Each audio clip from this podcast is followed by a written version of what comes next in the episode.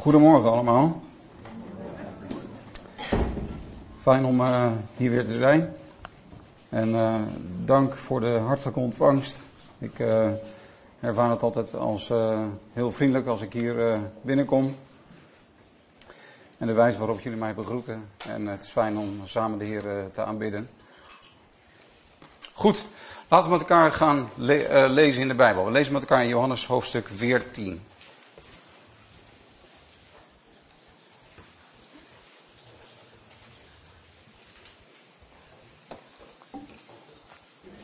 Uh, we lezen met elkaar uh, Johannes hoofdstuk 14 vanaf vers 15. Afgelopen donderdag was het Hemelvaartsdag. En over een week is het Pinksteren. Dus we zitten in de tien dagen tussen Hemelvaartsdag en Pinksteren. En um, daarom lezen we ook over het heengaan en de belofte van de trooster. We lezen Johannes hoofdstuk 14 vanaf vers 15. Als u mij lief hebt, neem dan mijn geboden in acht. En ik zal de Vader bidden, en hij zal u een andere trooster geven, opdat hij bij u blijft tot in eeuwigheid. Namelijk de geest van de waarheid, die de wereld niet kan ontvangen, want zij ziet hem niet en kent hem niet. Maar u kent hem, want hij blijft bij u en zal in u zijn. Ik zal u niet als wezen achterlaten, ik kom weer naar u toe. Nog een korte tijd en de wereld zal mij niet meer zien. Maar u zult mij zien, want ik leef en u zult leven. Op die dag zult u inzien dat ik in mijn Vader ben en u in mij en ik in u. Wie mijn geboden heeft en die in acht neemt, die is het die mij lief heeft. En wie mij lief heeft, hem zal mijn Vader lief hebben. En ik zal hem lief hebben en mijzelf aan hem openbaren. Judas, niet de Iscariot, zei tegen hem: Heere, hoe komt het dat u zichzelf aan ons zult openbaren en niet aan de wereld? Jezus antwoordde en zei tegen hem: Als iemand mij lief heeft, zal hij mijn woord in acht nemen en mijn vader zal hem lief hebben en wij zullen naar hem toekomen en bij hem intrek nemen. Tot zover de lezing uit Gods woord. Er wordt ons een voorwaarde geschetst voor het ontvangen van de Heilige Geest. En wellicht beter gezegd voor ons als christenen een voorwaarde voor de volheid van de Heilige Geest. En dat is dat we het woord van de Heer Jezus in acht nemen. Dat we zijn geboden in acht nemen. En zo begint ons tekstgedeelte ook. Als u mij lief heeft, als u mij lief hebt, neem dan mijn geboden in acht. We lezen ook in uh, Handelingen hoofdstuk, uh, hoofdstuk 3 of 4 dat God de Heilige Geest geeft aan hen die hem gehoorzaam zijn. Dus eerst um, denken we even na over hoe belangrijk het is dat wij de geboden van de Heer Jezus in acht nemen. Dat wij gehoorzaam zijn aan de Heer onze God. Wij zijn discipelen van de Heer Jezus. En een discipel is een leerling. En een leerling wil leren. En een leerling staat open voor wat zijn of haar meester wil zeggen. En als je eigenwijs bent en niet wil luisteren naar je leraar. Als je bijvoorbeeld uh, autorijlessen neemt. En je, je denkt, nou dat doe ik wel even. En je gaat lekker achter het stuur zitten en je doet gewoon je eigen ding. En je luistert niet naar de kritiek die je leraar heeft. Dan zal je niet zo goed leren. En dan zal je niet zo snel je examen halen. Dus als je een leerling bent van je meester, dan moet je openstaan voor wat je meester wil zeggen. Dan moet je ook luisteren naar wat de meester zegt. En dan moet je ook wat gaan doen met wat je meester zegt. En dan zal je leren. En dan zal je groeien in je doen en laten. En zo zijn wij leerlingen van de Heer Jezus. Het grote gebod is, sorry, de grote opdracht is, gaat heen, maakt alle volkeren tot mijn discipelen en uh, leert hen onderhouden alles wat ik u bevolen heb. Dus leert, wij zijn geroepen om alle volkeren, alle mensen te maken tot leerlingen van Jezus. En leerlingen van Jezus die gaan leren om te onderhouden, om te gehoorzamen. Dat wat Jezus heeft geleerd. En daaruit blijkt ook dat wij van de Heer Jezus houden. dat wij gaan doen wat hij zegt. Dus dat is eigenlijk de eerste vraag die vanmorgen naar ons toe komt. Staan wij open voor wat Jezus tegen ons wil zeggen? Zijn wij echt leerlingen van Hem? Of zitten wij nog heel eigenwijs in het leven? We zijn allemaal geneigd tot eigenwijsheid. We zijn allemaal geneigd om te denken, nou ik kan het zelf wel en ik zoek het zelf wel uit en ik weet het allemaal wel. We zijn eigenlijk behoorlijk uh, stubborn, koppig van binnen. Allemaal zijn we dat van nature. Maar als je een leerling bent geworden, dan ga je acht slaan. Ah, dan, dan heb je acht. Dan, dan ga je aandacht krijgen voor het woord van de Heer Jezus. Hij zal mijn woord in acht nemen. Als iemand mij lief heeft. Dus het liefhebben van de Heer Jezus heeft ook alles te maken met hem navolgen. Dat we hier vanmorgen zitten en dat we zeggen, Heer Jezus, ik onderwerp mij aan u. Wat wilt u dat ik doen zal? Leid mij. Leer mij uw weg. Ik leg mijn eigenzinnigheid en mijn eigen wijsheid leg ik af. En dat is het bewijs dat we hem lief hebben. Ik kan, tegen mijn, ik kan eh, tien keer per week tegen mijn vrouw zeggen dat ik haar lief heb. En het is ook goed om tegen je vrouw te zeggen dat je haar lief hebt. Wij zeggen het ook regelmatig tegen elkaar, ik hou van je. Maar als ik dat alleen maar zeg en ik gedraag mij er niet naar en ik zet mij niet voor haar in en ik ben niet geduldig met haar en ik luister niet naar haar en ik neem niet tijd om met haar te zijn en ik geef niet aan dat ik van haar hou door hoe ik met haar leef, dan hebben mijn woorden niet zoveel inhoud. Dus uit wat je doet blijkt hoeveel je van iemand houdt. Wij als getrouwde mannen wij laten zien hoeveel we van onze vrouw houden door hoe wij met haar omgaan. Doordat wij haar dienen. We zijn geroepen onze vrouw te dienen. En haar te helpen. En haar te troosten. En haar te bemoedigen. En haar op te bouwen. We zijn geroepen als mannen om ons in te zetten voor het welzijn van onze vrouw. En door dat te doen, laten wij blijken dat wij van haar houden. En zo is het ook met de Heer Jezus. Je kunt wel zeggen, we kunnen vanmorgen met elkaar zingen. Heer Jezus, ik hou van u en we kunnen hem aanbidden met onze liederen. Maar dat blijkt, hè, wie, als je mij lief hebt, neem dan mijn geboden in acht. Wie mij geboden heeft en die in acht neemt, die is het die mij lief heeft. Als we doen wat hij leert. En als we um, op die manier hem navolgen. En dat is ook de weg tot de volheid van de geest. We zitten tussen hemelvaart en Pinksteren. En de Heer heeft gezegd, het is beter voor jullie, dat staat in hoofdstuk 16, het is beter voor jullie dat ik wegga.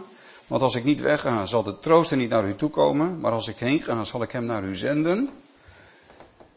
Dus de discipelen waren natuurlijk bedroefd dat de Heer sprak over zijn heen gaan. Maar hij zei tegen hen, het is beter voor jullie, het is nuttig voor jullie dat ik heen ga. Want nog beter is dat de trooster komt. Nog beter dan mijn aanwezigheid met jullie. En ik wil drie dingen noemen vanuit het tekstgedeelte dat we hebben gelezen. Je zou kunnen zeggen zegeningen van het gehoorzamen en liefhebben van Jezus. Ik heb het nu gehad over het belang van het acht slaan op het woord van de Heer. Ik heb het gehad over het belang van de gehoorzaamheid aan de Heer Jezus en het serieus wat gaan doen met zijn woord. En als we dat doen, wat zijn dan de zegeningen die daar uit voortvloeien? Drie dingen haal ik uit de tekst die we vanmorgen voor ons hebben. En het eerste, ik vat het samen met drie uh, zelfstandige naamwoorden. En het eerste woord is liefde. Kijkt u met mij naar vers 21. Wie mij geboden heeft en die een acht neemt, die is het die mij lief heeft. En wie mij lief heeft, hem zal mijn vader lief hebben. En ik zal hem lief hebben en mijzelf aan hem openbaren. Dus Jezus zegt, wie mijn geboden in acht neemt, hem zal mijn vader lief hebben en ik zal hem lief hebben. En vers 23 zegt hetzelfde. Als iemand mij lief heeft, zal hij mijn woord in acht nemen en mijn vader zal hem lief hebben. Wacht even. Wij spreken heel vaak over de onvoorwaardelijke liefde van God. Wij hebben zojuist nog met elkaar gezongen, niets wat ik ook doe, kan daar verandering in brengen, dat u van mij houdt. En dat is ergens ook zo, want Gods liefde is onverdiend. En wij kunnen Gods liefde niet verdienen. En God houdt van de hele wereld. Hij houdt van de ergste zondaar. Hij houdt van zijn, zijn grootste vijand. Jezus had zijn vijanden lief. En in die zin is het waar dat niets wat wij kunnen doen kan die liefde van God wegnemen. En toch zegt Jezus hier dat als je mijn geboden in acht neemt, de Vader zal je lief hebben. Dus ik heb het wel eens zo uitgelegd gekregen van een leraar van mij die zei: God houdt van de hele wereld, maar hij houdt niet op dezelfde wijze van alle mensen. En dat is iets waar we, waar we niet zo vaak wat over horen, maar dat is wel wat de tekst ons vanmorgen leert. Hij houdt niet op dezelfde wijze van alle mensen. Want de een is niet met hem verzoend en de ander is wel met hem verzoend. De een leeft niet voor hem en de ander leeft wel voor hem. Dat maakt wel een verschil voor de relatie met God. En deze belofte mogen wij vanmorgen horen. Dat als wij laten zien dat we van de Heer Jezus houden, omdat wij zijn geboden in acht nemen en dat we serieus willen luisteren naar wat Hij ons wil leren, dat er een sterke intieme relatie met God zal groeien als we dat doen. Intimiteit met God. Dat wij Hem lief hebben en dat we dan merken dat Hij ons lief heeft. De Heer Jezus zegt het wel, als je mijn geboden in acht neemt, de Vader zal je lief hebben. We lezen bijvoorbeeld ook over Daniel, dat uh, als hij uh, op een gegeven moment als een, uh, als hij, als een engel aan hem verschijnt, dat um, als Gabriel aan Daniel verschijnt, dan noemt Gabriel Daniel een zeer beminde man. Waarom? Want Daniel was een rechtvaardig man. En hij bad en hij was trouw aan de Heer. En hij, hij, hij verontreinigde zich niet met de dingen van de wereld. Hij, hij leefde in dat enorme rijk. Hij leefde aan het hof van een gigantisch wereldrijk. Waar allerlei verleidingen en moeilijke en allerlei wereldse dingen waren. Maar Daniel zonderde zich af van de, wereld, van de zondige wereld. En hij leefde heilig. En dan verschijnt er een engel aan Daniel. En die zegt tegen Daniel: Daniel, je bent een zeer beminde man. En weet je, dat is zo mooi. Dat is wat ons leven ook echt verandert. Intimiteit met God. Dat je Hem lief hebt en dat je nog meer gaat ervaren en ook beleven. En ik denk dat het daar ook in zit. Hè, dat je het gaat merken, dat, je niet, dat het tot je gemoed doordringt. Dat, dat je het ook, ja, misschien is het een beetje gevaarlijk om dit woord te gebruiken, maar toch durf ik het te gebruiken. Dat je het gaat beleven. Dat je de relatie met God meer gaat beleven. Omdat je ook Hem zoekt en tot Hem nadert. En je afzondert van de zondige wereld. Nadert tot God en Hij zal tot u naderen. Nadert tot God door zijn woord in acht te nemen, door te luisteren naar God. En Hij zal tot jou naderen. Er zijn veel mensen die zeggen, nou ik merk niks van God in mijn leven. En die hem een beetje op de proef stellen of, of zeggen, nou, God laat maar zien dat u er bent. Maar ze zijn niet bereid om te gehoorzamen. Ze zijn niet bereid om zich te bekeren. En daarom bemerken ze ook niet zoveel van God. Terwijl als je je wel bekeert, dan zul je ook merken dat God met zijn liefde je leven binnenkomt. Dat er een doop van liefde is.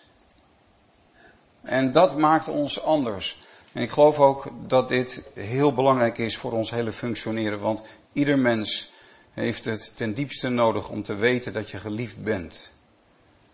Mijn vraag aan u is of eigenlijk Gods woord bepaalt ons vanmorgen bij deze vraag.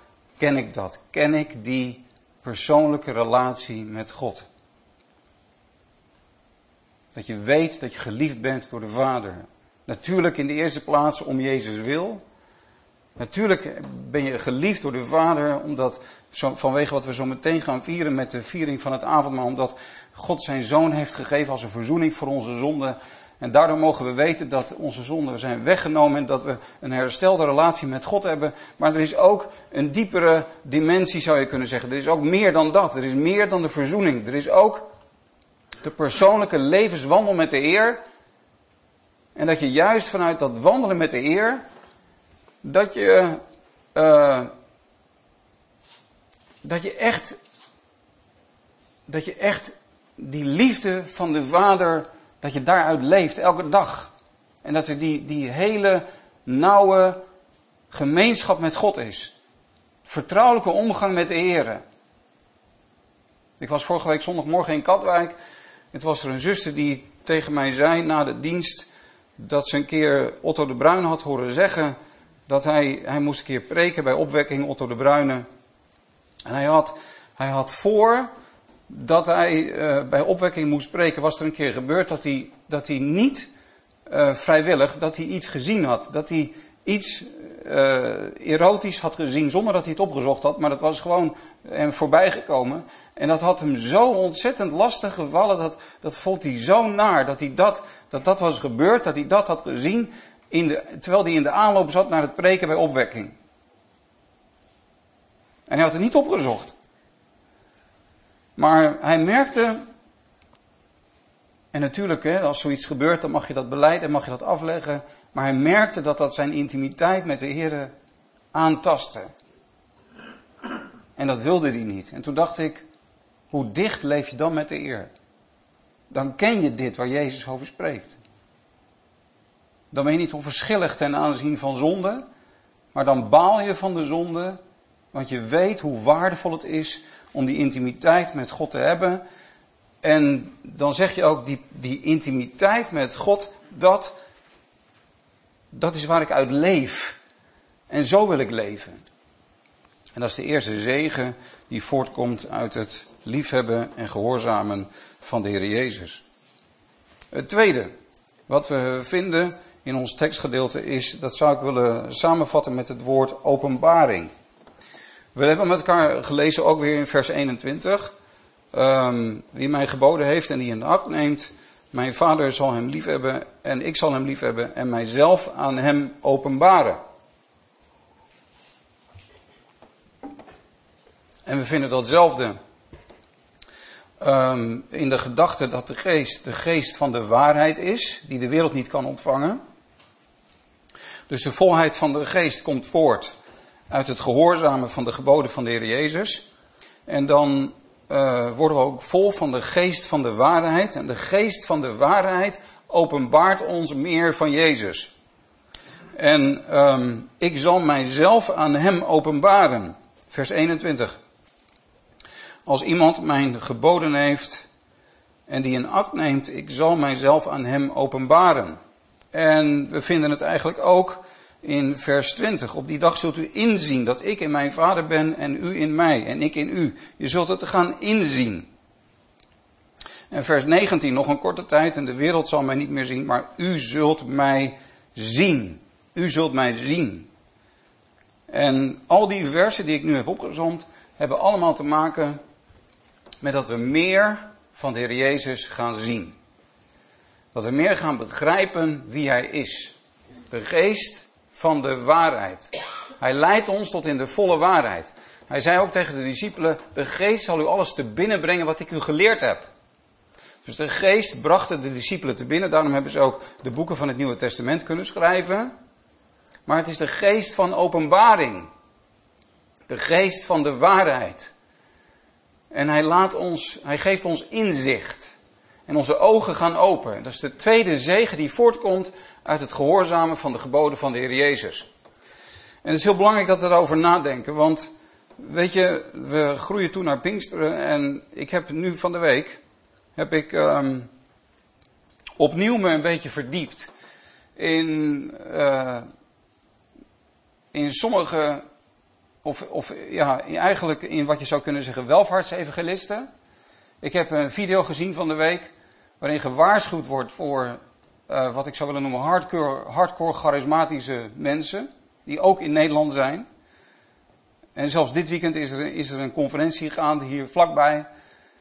En ik hoor van mensen ook uit onze eigen gemeentes, de gemeentes waar ik veel preek, de gemeentes waar ik al jaren kom, dat mensen ook uitgenodigd worden om dit soort conferenties te gaan. En ik zal je zeggen, ook als je dit soort video's ziet, er gebeuren de meest waanzinnige dingen in sommige christelijke samenkomsten. Deze video eindigt met een, met een boodschap van David Wilkerson. David Wilkerson was anders. David Wilkerson was ook een Pinksterman. Maar hij was, ik denk dat hij, dat hij echt wel veel te zeggen had. En de moeite waard was om naar te luisteren. En David Wilkerson, die, die, die wordt in die video aan het eind, dan heeft hij het over dat in sommige samenkomsten mensen gaan blaffen als onden. En dat ze, dat ze aan een tuigje worden rondgeleid op het podium. En de meest idiote dingen. Dat mensen ontzettend gaan lachen. En dat mensen allerlei emotionele uitbarstingen hebben in samenkomsten. En dat ze extatisch worden en dat ze haast hysterisch worden. En dat er mensen eh, opge, uh, ja, helemaal opge, uh, opgewekt worden om van alles te beleven. En dan staat er een spreker op het podium. En die is dan heel erg eh, spiritueel is die bezig. En er staan allemaal mensen voor het podium die naar voren zijn gekomen. En dan zegt hij in één keer zegt hij keihard: Power! En dan vallen allemaal mensen om. Weet je wel? Nou, ik denk die mensen schrikken zich gewoon wezenloos van dat hij in één keer keihard door die microfoon power zegt. En dan voelen ze zich overweldigd door wat er overheen komt. Het is gewoon psychologie. En ik denk dat het terecht is om te waarschuwen voor deze beweging. Want dat is niet de geest van de waarheid. En um, ik snap dat het ook aantrekkelijk is om naar dit soort samenkomsten te gaan als er veel gesproken wordt over lichamelijke genezing. En als er gezegd wordt dat, dat God mensen zal genezen en je bent ziek en je hoopt dat je genezing zult ontvangen, dan kan je verleid worden om naar dit soort samenkomsten te gaan. Maar pas op, want er is kaf onder het koren. Um, de mensen die dit soort dingen doen, die verrijken zichzelf soms op een walgelijke manier. Er zijn christelijke leiders, de welvaartsevangelisten, die hebben soms hun privévliegtuig. Die hebben ongelooflijk veel geld. En die halen heel veel mensen bij elkaar. En je moet soms, weet ik hoeveel geld betalen om erbij te zijn. En je moet soms betalen voor een gebed dat ze uitspreken. Maar onderwijl slapen de leiders in de duurste hotels en vliegen ze eerste klas over de hele wereld. Meer dan business class laten ze zich vervoeren. En het deugt gewoon niet. Het deugt echt niet. Pas op. En dat is niet de geest van de waarheid. Het, is, het, is, het zijn dingen die daar gebeuren, die gebeuren ook in andere godsdiensten. Het gebeurt ook in het boeddhisme, sommige van dat soort dingen.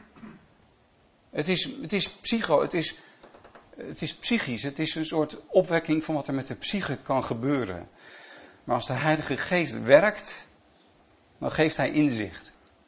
Daarom is de werking van Gods geest verbonden aan de prediking van het woord, het uiteenzetten van het woord. En dat je meer gaat zien van de Heer Jezus. Als de geest komt, zal hij overtuigen. Hij zal de wereld overtuigen van zonde, gerechtigheid en oordeel. En het echte kenmerk van de werking van de Heilige Geest is een diep zondebesef. Dat mensen tot verbrokenheid komen omdat ze gaan inzien hun eigen zonde en omdat ze gaan inzien de schoonheid en de heerlijkheid van Jezus Christus. Wij zien nog niet dat alle dingen hem onderworpen zijn. We weten dat alle dingen hem onderworpen zijn. Dat zien we nog niet in de wereld waarin we leven. Maar wij zien Jezus met heerlijkheid en eer gekroond. Wij weten en wij zien het in de geest. En wij doorgronden het een beetje met ons verstand. Dat Jezus Christus Heer is. Dat Hij alle macht heeft in hemel en op aarde. En dat heeft te maken met kennis. De geest is de geest van wijsheid en openbaring. Als Paulus bidt voor de gemeenten, als Paulus bidt voor de gemeenten, dan bidt hij nooit voor geld. Hij bidt nooit voor gebouwen. Hij bidt nooit voor grote aantallen mensen. Hij bidt nooit voor succes, dat gemeenten succes zullen hebben. Maar hij bidt dat de gelovigen zullen groeien in kennis en inzicht. De geest van wijsheid en openbaring. Ik geloof, ik las laatst een, een tweet van uh, John Piper. En die zei, er staan 220 uh, eh, referenties aan gezegend worden in het Nieuwe Testament. En geen van die 220 referenties aan gezegend worden heeft te maken met geld en goederen. Geen daarvan. Dus je moet niet zeggen, ik ben gezegend, want ik heb het financieel op orde. Ja, prijs de Heer daarvoor. Dat is ook nodig, dat je het financieel op orde hebt. Maar denk niet dat je vooral gezegend bent omdat je financieel geslaagd bent. Dat is niet wat het Nieuwe Testament leert. Je bent gezegend met kennis van de Heer Jezus. Je kunt beter arm zijn en meer en meer van de openbaring van Jezus in je leven hebben. Want daar gaat het om.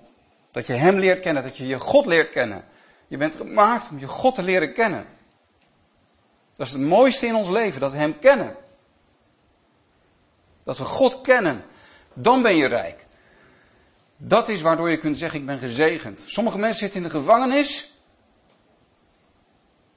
Veel van onze broeders en zusters vandaag de dag zitten in de gevangenis. Er is laatst een congres geweest van Franklin Graham over de vervolgde kerk. En het is, de, de, de vervolging neemt enorm toe. Maar, maar veel van die mensen hebben veel van de geest van wijsheid en openbaring. Paulus zelf ook. Paulus zat in de gevangenis. En toch was hij een gezegend mens. Omdat hij Christus kende. En vanuit de gevangenis Christus bekend kon maken. Hij kon vanuit de gevangenis Christus bekendmaken. En heeft zijn dierbare, kostbare brieven die in de Bijbel zijn terechtgekomen, heeft hij geschreven vanuit een toestand van gevangenschap. Dus je bent gezegend als je Christus kent. En als, als je weet wat het is dat Jezus je lief heeft en zichzelf meer en meer aan jou openbaart. Het tweede is openbaring. Het eerste is liefde en het tweede is openbaring. En het derde, de derde zegen die voortkomt uit het gehoorzamen van de geboden van de Heer Jezus is dat Hij aanwezig is. Het derde woord is aanwezigheid. Want dat hebben we natuurlijk op allerlei manieren gelezen. Vers 16. Ik zal de Vader bidden en hij zal u een andere troost geven opdat hij bij u blijft tot in eeuwigheid.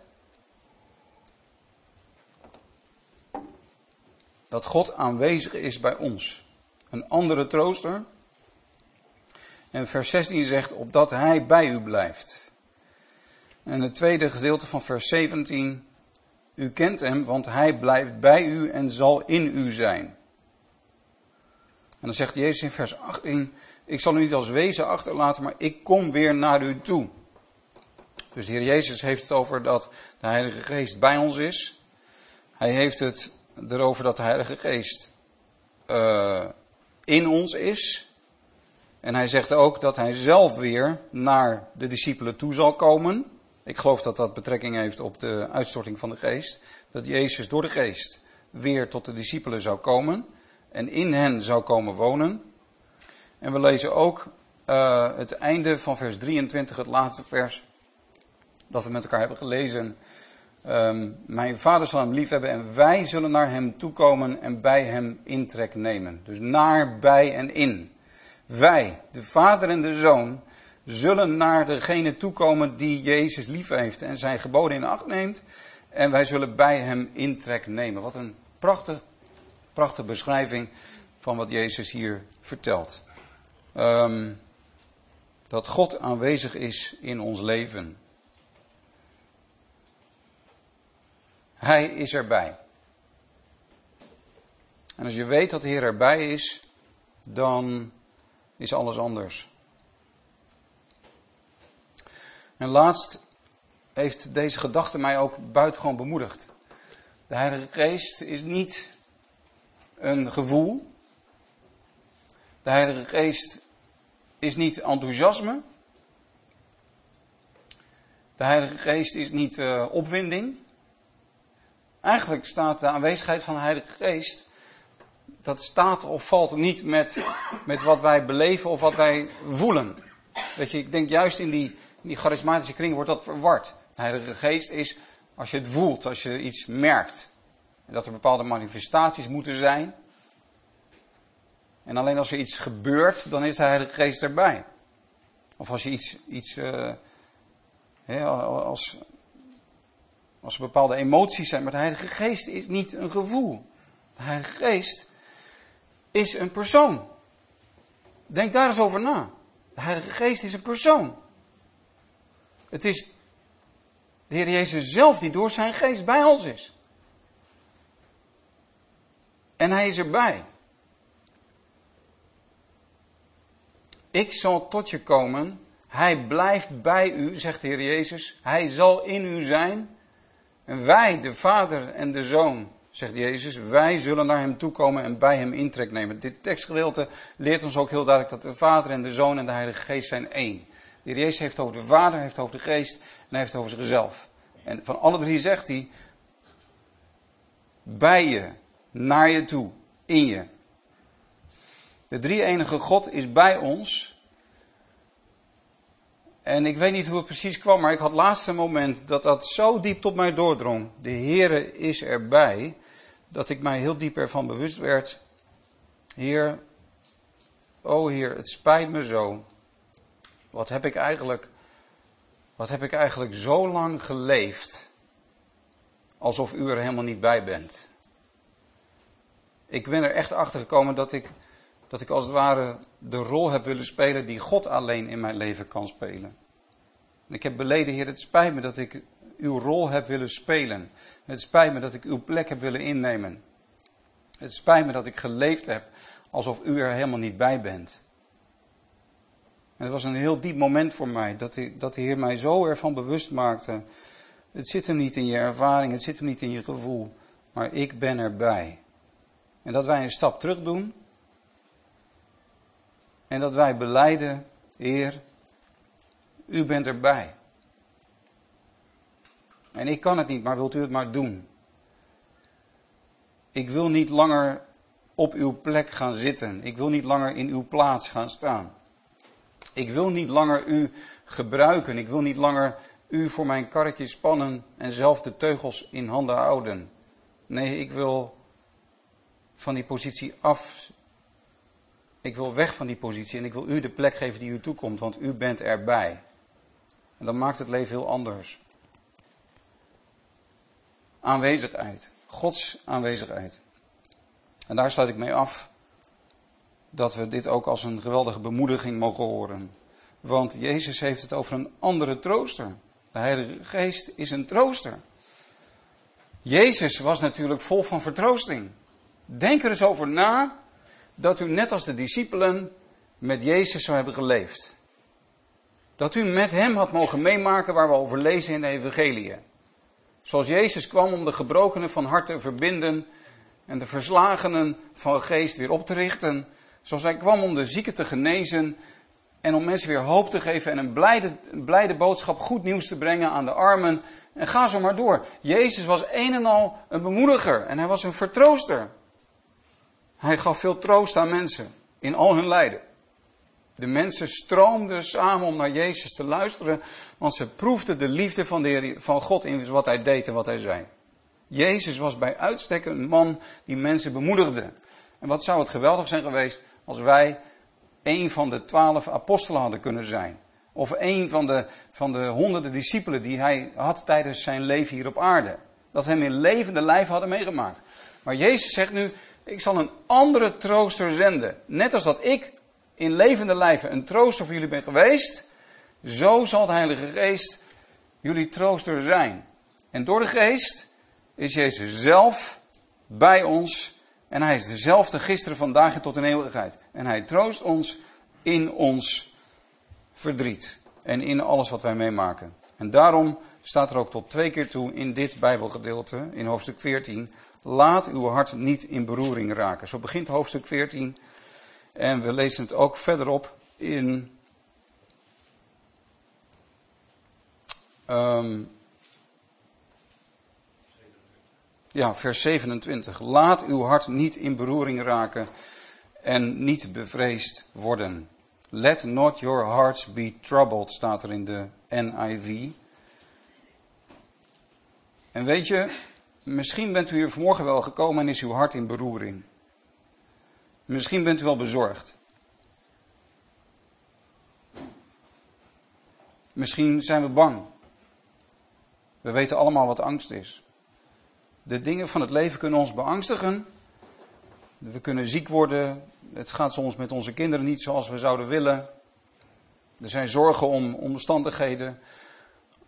Of om werk, of om financiën, of om de toekomst. Of er zijn zorgen om conflicten. Weet je, er zijn allerlei dingen waardoor ons hart in beroering kan zijn. Waardoor we bang kunnen zijn van binnen. Maar Jezus zegt, mijn vrede laat ik u, mijn vrede geef ik u.